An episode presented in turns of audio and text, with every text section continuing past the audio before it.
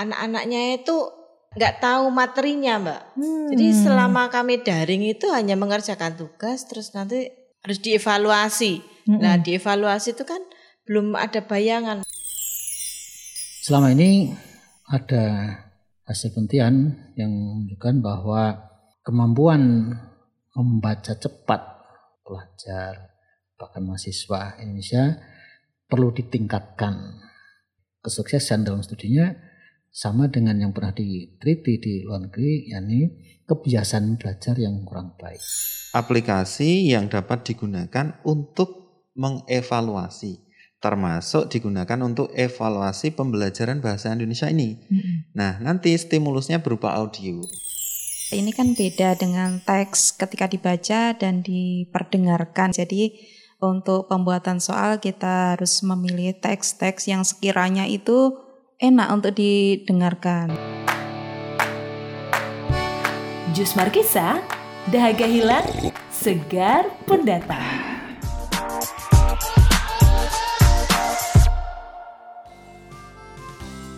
Hai Joshua, apa kabar? Baik kan? Eh, kenalkan, saya Ibnu Hidayat. Hari ini saya menggantikan Susan Wibowo untuk menjadi host di podcast Jus Markisa. Entah ke mana ini Mbak Susan ini, wah. Tapi eh, baiklah, tak usah risau dan juga tak usah pusing ya. Karena dia nanti pasti akan muncul sendiri. Nah, user, di episode spesial Hari Pendidikan Nasional ini saya akan mengajak ngobrol tentang pengembangan teknologi pembelajaran. Eh eh eh eh ada tamu di sini Mbak rupanya. Sudah datang ini. ya, Teknologi pembelajaran Mas Ibnu. iya. Apa itu? Nah, pengen tahu kan tentang apa itu teknologi Hmm, pembelajaran? Pastinya nah, pengen ini tahu. saya sudah membawa tamu-tamu spesial, Mbak Hmm, Susan. Rame ya berarti ya hari ini ya. Iya, Beliau-beliau ini para pelaku pendidikan. Siapa aja ini? Ya, ini kita perkenalkan ya. Ada Pak Udin, Halo share, saya Muhammad Farudin, sering dipanggil dengan sebutan pendek Pak Udin. Iya akrab ya Pak Udin ya. Kemudian ada Bu Asri, Halo Juser, nama saya Asri Purwaningsih, biasa dipanggil Asri. Eh, saya domisilinya di Wates Kulon Progo. Oh domisilinya ya. Ngajar ya. Saya ngajarnya di Temon. kemudian ada Bu Siska. Hai Juser, nama saya Siska Yuniati.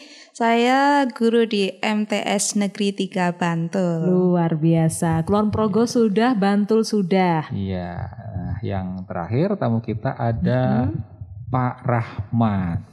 Ya, halo user, saya Pak Rahmat.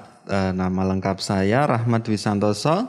Biasa dipanggil Rahmat. Saya mengajar di SMP Muhammadiyah 8 Kota Jogja. Kota Jogja. Wah Waduh, komplit, ini. Mm. Iya, Mbak Susan. Mas Ibnu hebat ini bisa mendatangkan tamu komplit dari Oh, penjuru siapa DIY ya. Mbak Susan. iya. Terus kembali tadi ngobrolnya kan tentang teknologi pembelajaran. Terus dengan tamu-tamu ini gimana nih Mas Ibnu? Nah, ini kita itu kan eh, di sini baru mengembangkan sebuah media untuk pembelajaran, media audio pembelajaran namanya LB, Mbak Susan. LB. Iya. Apa itu kalau boleh juicer tahu nih? Iya. LB itu merupakan singkatan dari evaluasi pembelajaran bahasa Indonesia. Wah menarik sekali ya. Evaluasi ya. Iya. Mm-mm. Ngomong-ngomong soal evaluasi ini kan Pak Udin kayaknya pakarnya ya Wah, ya. beliau sangat ahli itu Mbak Susan.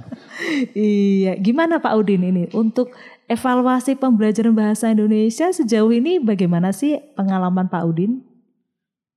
Untuk mata pelajaran bahasa Indonesia masih ada yang perlu ditingkatkan agar tujuan pembelajaran bahasa Indonesia di segala jenjang pendidikan terwujud secara ideal. Saya katakan perlu ditingkatkan, diperbaiki karena memang belum sampai pada jenjang yang diidealkan yakni mengevaluasi kemampuan berpikir tingkat tinggi. Luar biasa. Jadi memang untuk sampai ke level HOTS tadi ya. Higher order thinking skills ya Pak Udin ya. Ah, itu kan tadi tentang evaluasi pembelajaran bahasa Indonesia ya Mbak Susan ya. Hmm, bener Nah, banget.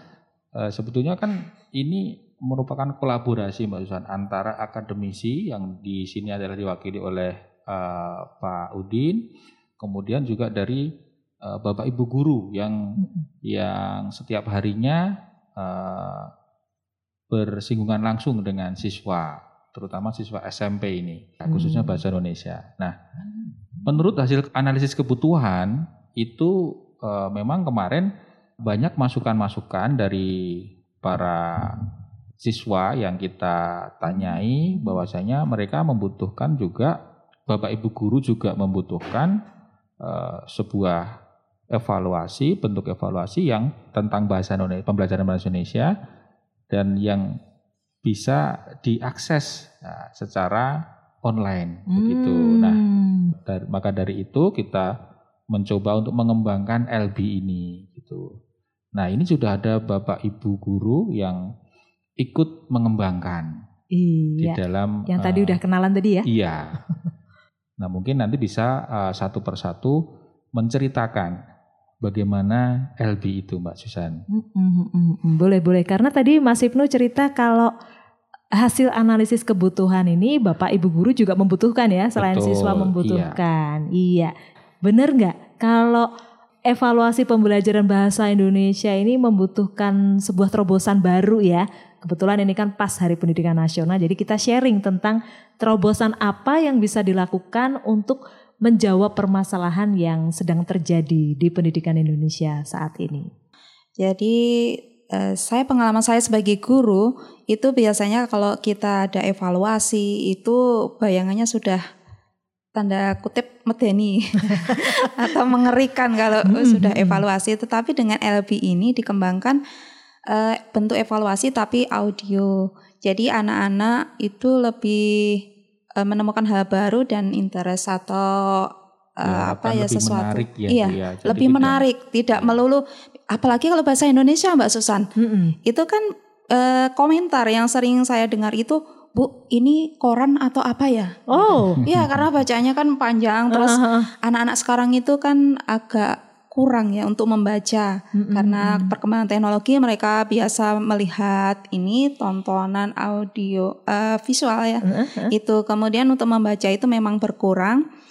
Terus kalau ada LP ini kan mereka eh, ini meningkatkan kemampuan menyimak. Jadi mendengarkan. Terus ada sesuatu yang baru dibacakan teksnya, kemudian mereka menjawab. Itu sesuatu yang eh, baru. Kami berharap itu akan menyenangkan dan hasilnya nanti bisa maksimal. itu tadi Bu Siska responnya kalau mendengar kata evaluasi mengerikan Mas Ibnu. Iya. Kalau Pak Rahmat gimana ya? Dulu sebelum ada LB ini karena sedang dirintis ya ini ya LB ya. Gimana Pak Rahmat? Kalau mendengar kata evaluasi. Kalau mendengar kata evaluasi dari guru sendiri pasti itu adalah terkait dengan tes. Hmm. Dites. Nah, kemudian kalau anak-anak pasti terkait dengan evaluasi, wah, ulangan. Itu yang berada pada pikiran anak-anak seperti itu. Ketika evaluasi pasti pikirannya ulangan. Ketika ulangan itu berarti anak-anak harus benar-benar fokus, kemudian benar-benar tidak bisa tengok kanan, tengok kiri. Nah, seperti itu.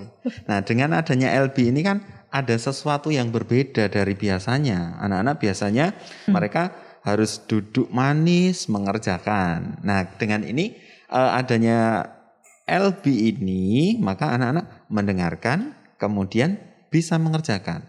Nah, selain eh, anak-anak itu mengerjakan, anak-anak itu ternyata mendapatkan eh, stimulus berupa audio itu, saya rasa itu menjadi sesuatu yang menarik karena tidak seperti biasanya. Tidak seperti biasanya. Itu terobosan yang dimaksud Pak Rahmat.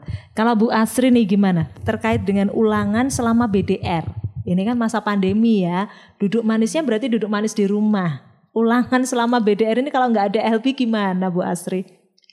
Selama pandemi ini kalau ulangan atau penilaian harian eh, kami sebagai guru terutama bahasa Indonesia itu ya cukup kesulitan sebenarnya ya Mbak.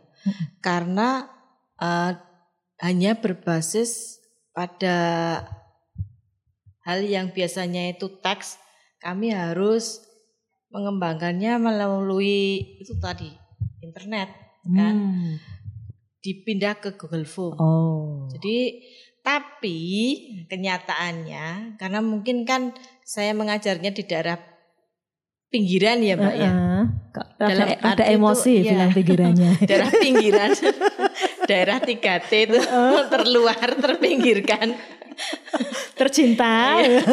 Jadi anu Mbak, apa itu eh, banyak siswanya itu yang gaptek. Oh. Satu. Mm-mm. Terus ada orang tuanya itu yang memiliki HP itu cuma satu dipakai orang tua Kerja. kerja. Mm. Sedangkan di rumah itu anaknya nggak pegang gitu loh mbak. Mm-mm. Terus lagi masalah itu lagi apa? Eh, anak-anaknya itu nggak nggak tahu materinya mbak. Jadi Hmm. selama kami daring itu hanya mengerjakan tugas, terus nanti harus dievaluasi. Mm-mm. Nah, dievaluasi itu kan belum ada bayangan mana yang mau dievaluasi sebenarnya itu yang mana tugas-tugasnya yang kemarin dikumpulkan atau materinya yang diberikan. Hmm. Jadi sebenarnya kata evaluasi pada BDR ini tuh kami tuh juga bingung sendiri Heeh. Eh, sebagai guru, terutama saya khususnya saya itu mau mengevaluasi anak itu seberapa tingginya kompetensi mereka, seberapa atau tinggi atau rendah atau sedang gitu loh mbak. Mm-mm. Mereka itu bingung sendiri karena kan kadang mereka mengerjakannya itu di rumah, tapi sebenarnya yang mengerjakan malah orang tua, bukan anaknya sendiri. Heeh, heeh, heeh. Jadi, Jadi- dukungan orang tua terlihat jelas ya di Iya. masa pandemi ya. Kadang juga ada yang sudah mengerjakan tapi nggak maksimal. Hmm. Karena kan disambi-sambi tuh Mbak, Iya. namanya anak-anak di rumah itu. Terus lagi pula di rumah itu kan terlalu banyak hal-hal yang lebih menarik Mm-mm. dibanding pelajaran. Mhm. Jadi Menurut memang struggling ya guru-guru di Iya. masa pandemi ini ya. Apalagi disuruh mengevaluasi gitu ya Bu Asri Iya. maksudnya ya. Oke. Mas Ibnu.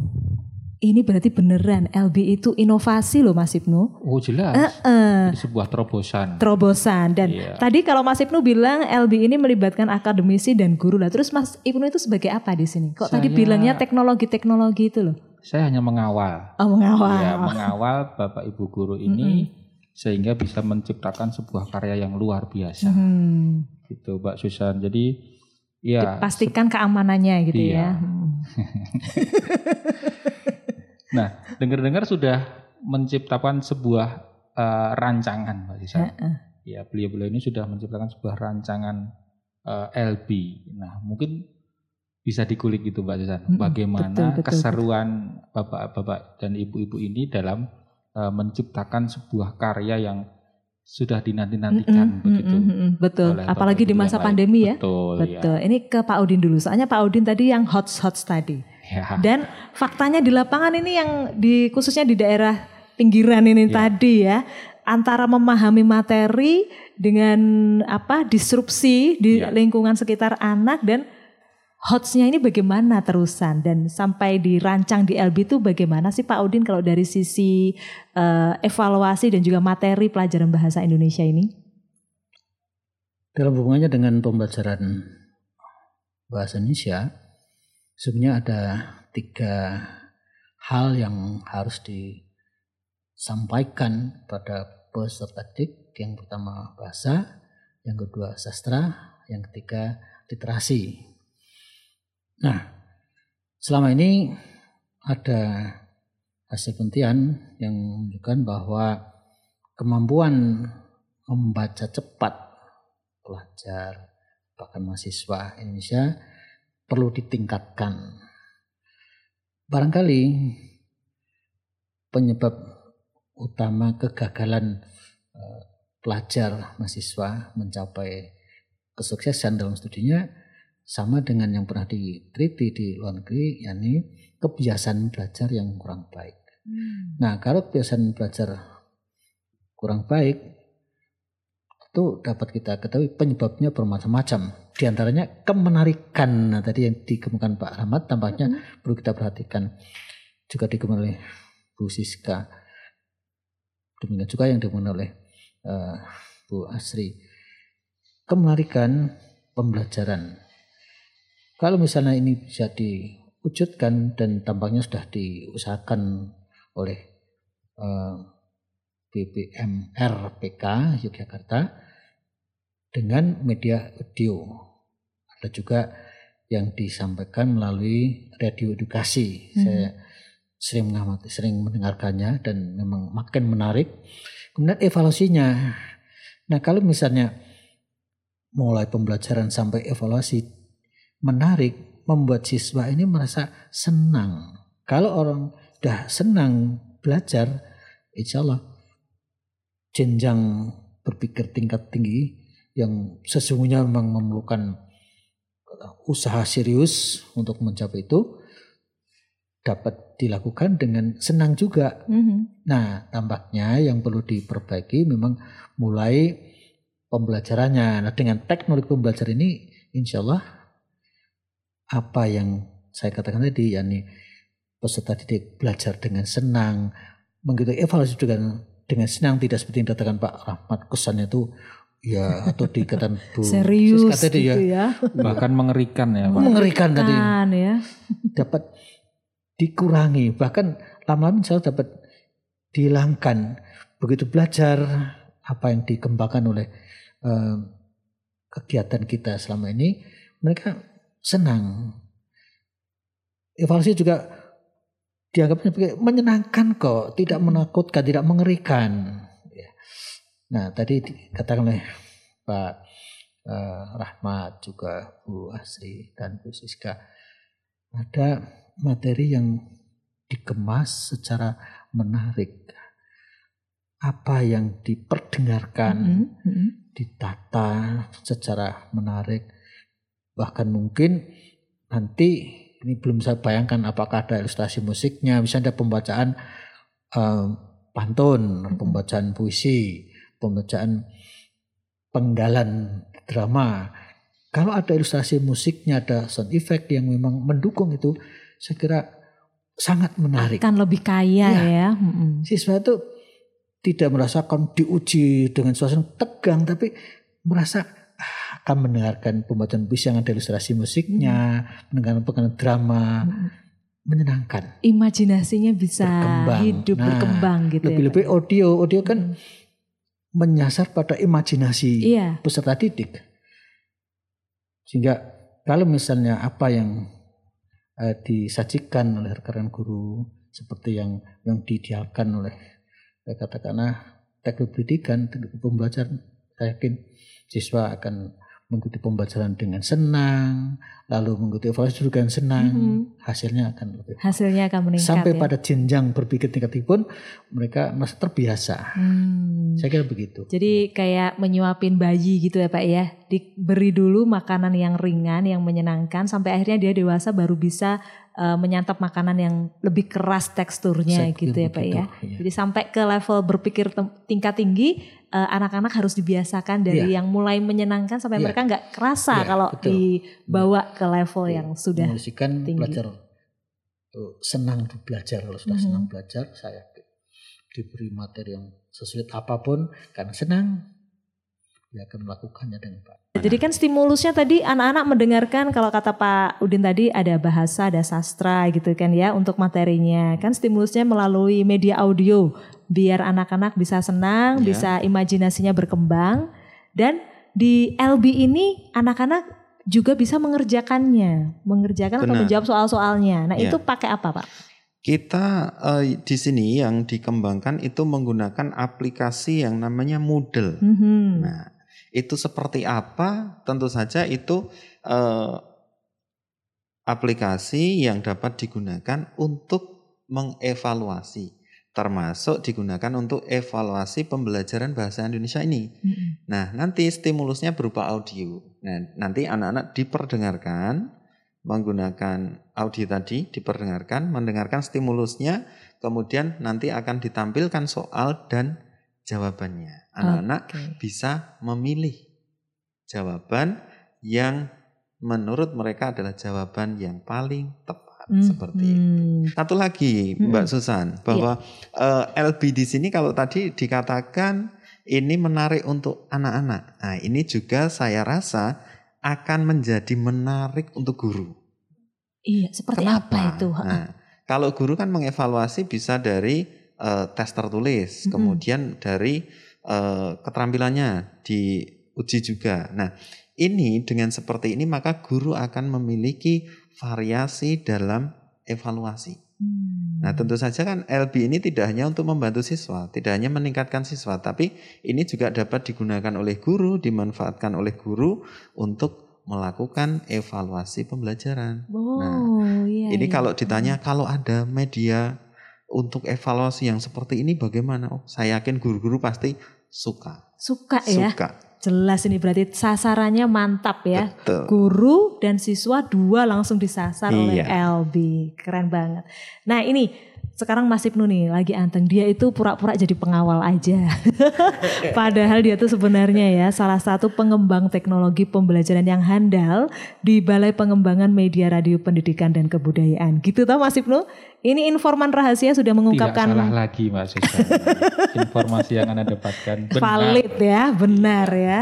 Itu gimana Mas Ibnu? Itu tadi Pak Rahmat sudah membuka lagi. Sedikit demi sedikit tersingkap ini. Apa sih LB itu ya? Pakai Moodle. Moodle itu kan berarti LMS ya atau Learning Betul. Management System ya. Ya. Berarti cara kerjanya gimana nih? Apa yang harus dilakukan siswa? Apa yang harus dilakukan guru untuk bisa menikmati LB?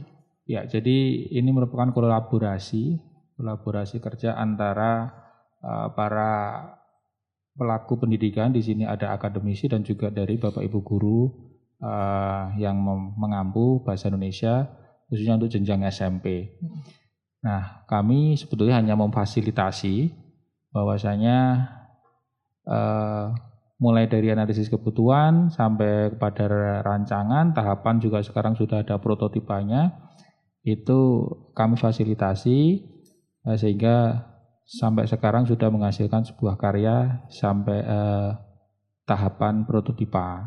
Nah, yang dilakukan siswa untuk bisa masuk ke Moodle-nya itu apa? iya, tinggal keterlibatannya mereka mengakses gimana? dari rumah, Mm-mm. ya. Jadi nanti eh, Bapak Ibu guru akan menambahkan mereka sebagai eh, peserta ulangan atau peserta Atau siswa gitu iya, ya. siswanya. Kemudian siswa tinggal eh, mengklik saja eh, link Login gitu iya, ya. Mm. yang diberikan oleh Bapak Ibu guru, kemudian mereka login sebagai siswa dan siap mengerjakan evaluasi yang ada di depan mereka. Heeh, itu SMP kan ada tiga kelas tuh, kelas Betul, 7, kelas 7, 8, 8, dan 9. Heeh, terus begitu mereka login, Ya, nanti mereka akan Hmm. diarahkan kalau mereka kelas 8 atau kelas 7 mereka bisa mengakses untuk yang sesuai jenjangnya. hmm, Begitu. Dan di situ nanti eh, untuk evaluasinya apa saja bisa juga tertampak di situ, tampil di situ di dala- di layar mereka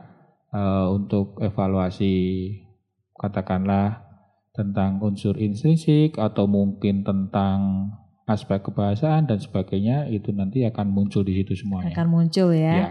Jadi langkah pertama yang dilakukan oleh guru ini kan berarti membutuhkan keterlibatan guru ya Betul. untuk mengajak anak-anaknya ulangan harian dengan cara yang menyenangkan. Ya, Berarti guru berperan untuk mendaftar gitu ya, mendaftarkan siswanya bisa Iya. mengakses Moodle gitu maksudnya. betul. Jadi sebelum evaluasi ini nanti akan disampaikan ke siswa, guru terlebih dahulu nanti akan mendaftar siswa-siswa siapa saja yang nanti eh, harus mengikuti evaluasi itu. Gitu. Mm-mm. Jadi didaftarkan dulu, nanti setelah didaftarkan mereka baru bisa mengakses. Terus berarti ada orang yang mendaftarkannya. Iya, Heeh, yaitu teman-teman PTP gitu kan Iya. ya. Teman-teman PTP akan mendaftarkannya ke Moodle-nya LB.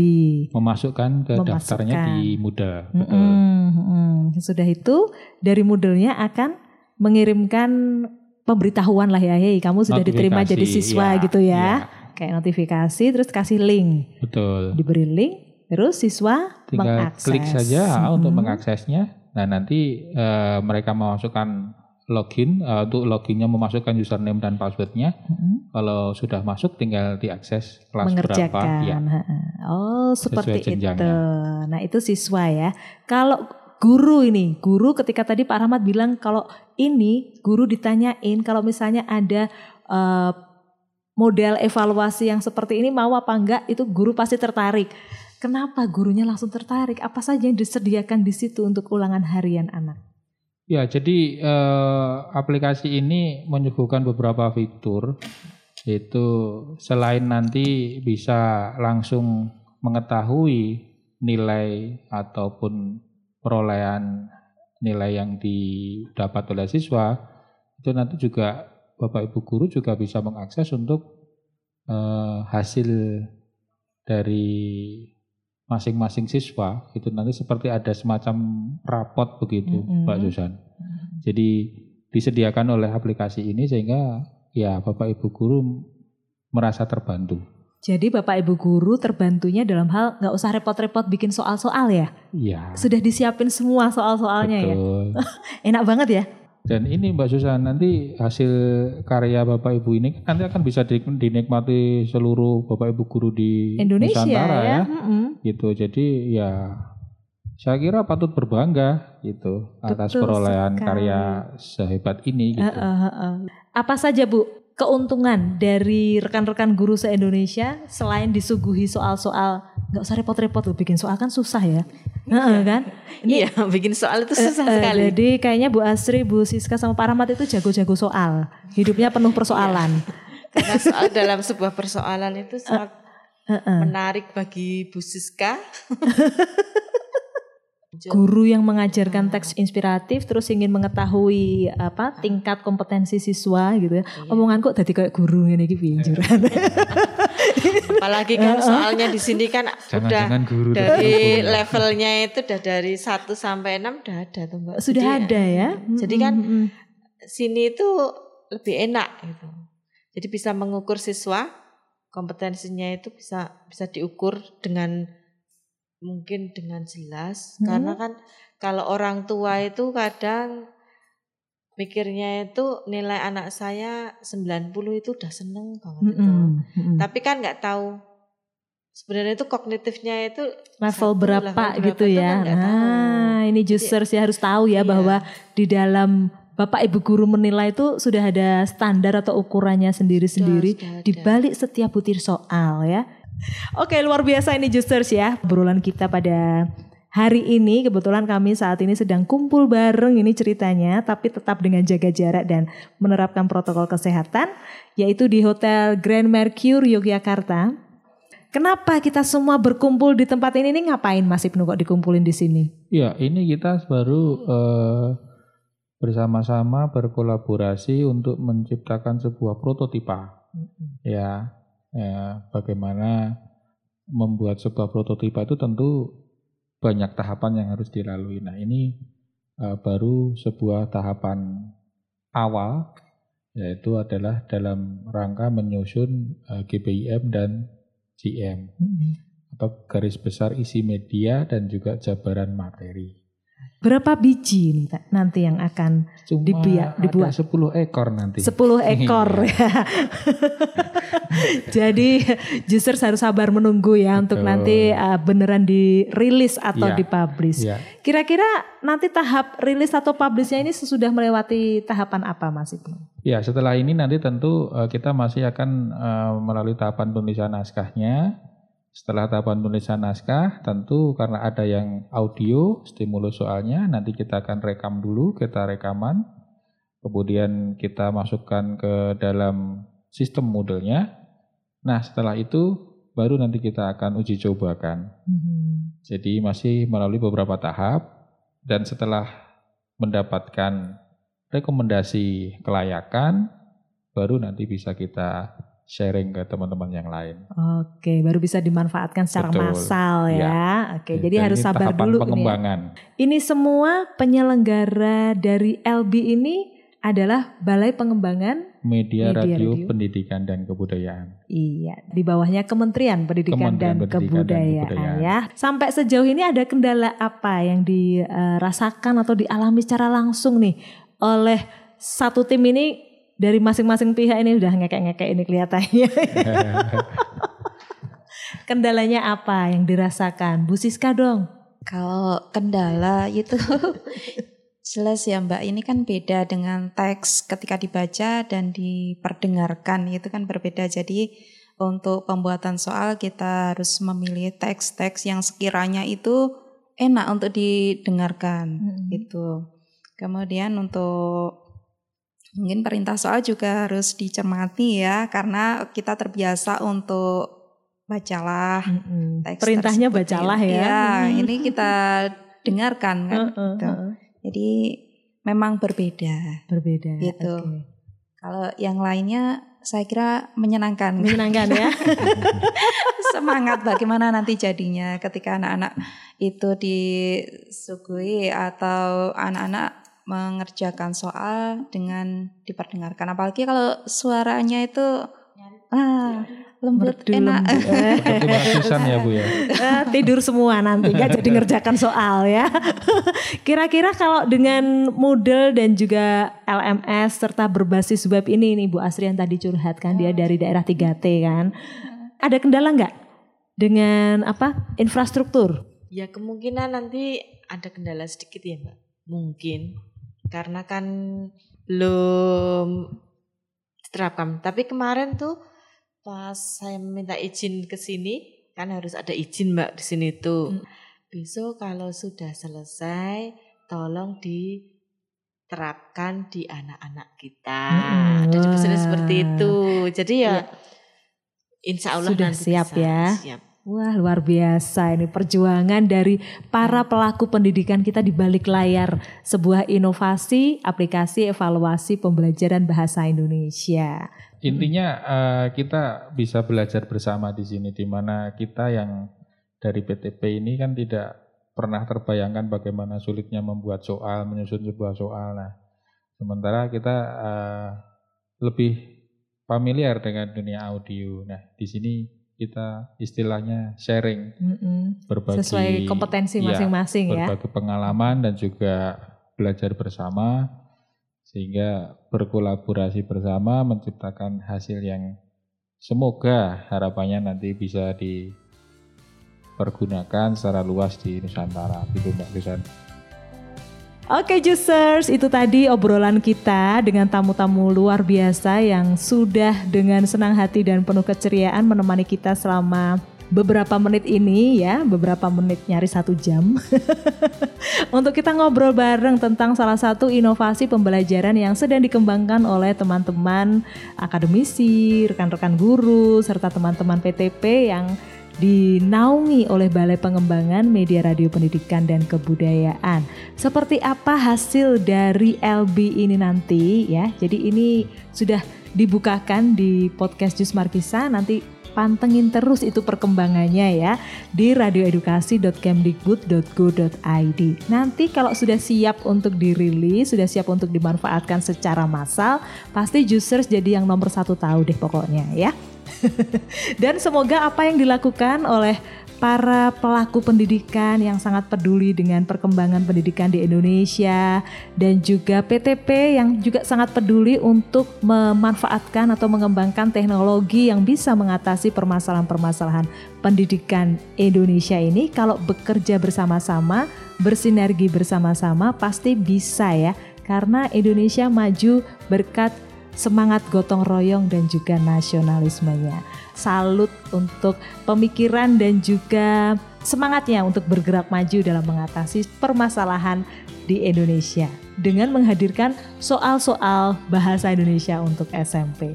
Terima kasih Mas Ibnu ya yang sudah membaca di awal tadi, tapi Sama-sama, di Mbak akhir Susan. sudah Iya. bertaubat gitu ya.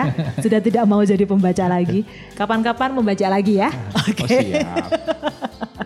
Ya sampai di sini Jusers ya. Saya Susan Wibowo menemanimu dalam menjalani hari demi hari. Tetap semangat jangan menyerah dan tetap patuhi protokol kesehatan. Jangan lupa di follow akun Spotify dari podcast Jus Markisa Serta kalau kamu punya ide-ide atau kata-kata motivasi atau inspirasi Bisa langsung ke media sosial Jus Markisa Yang ada di Instagram at Jus Markisa atau di Facebook Sampai ketemu. Bye. Sampai jumpa.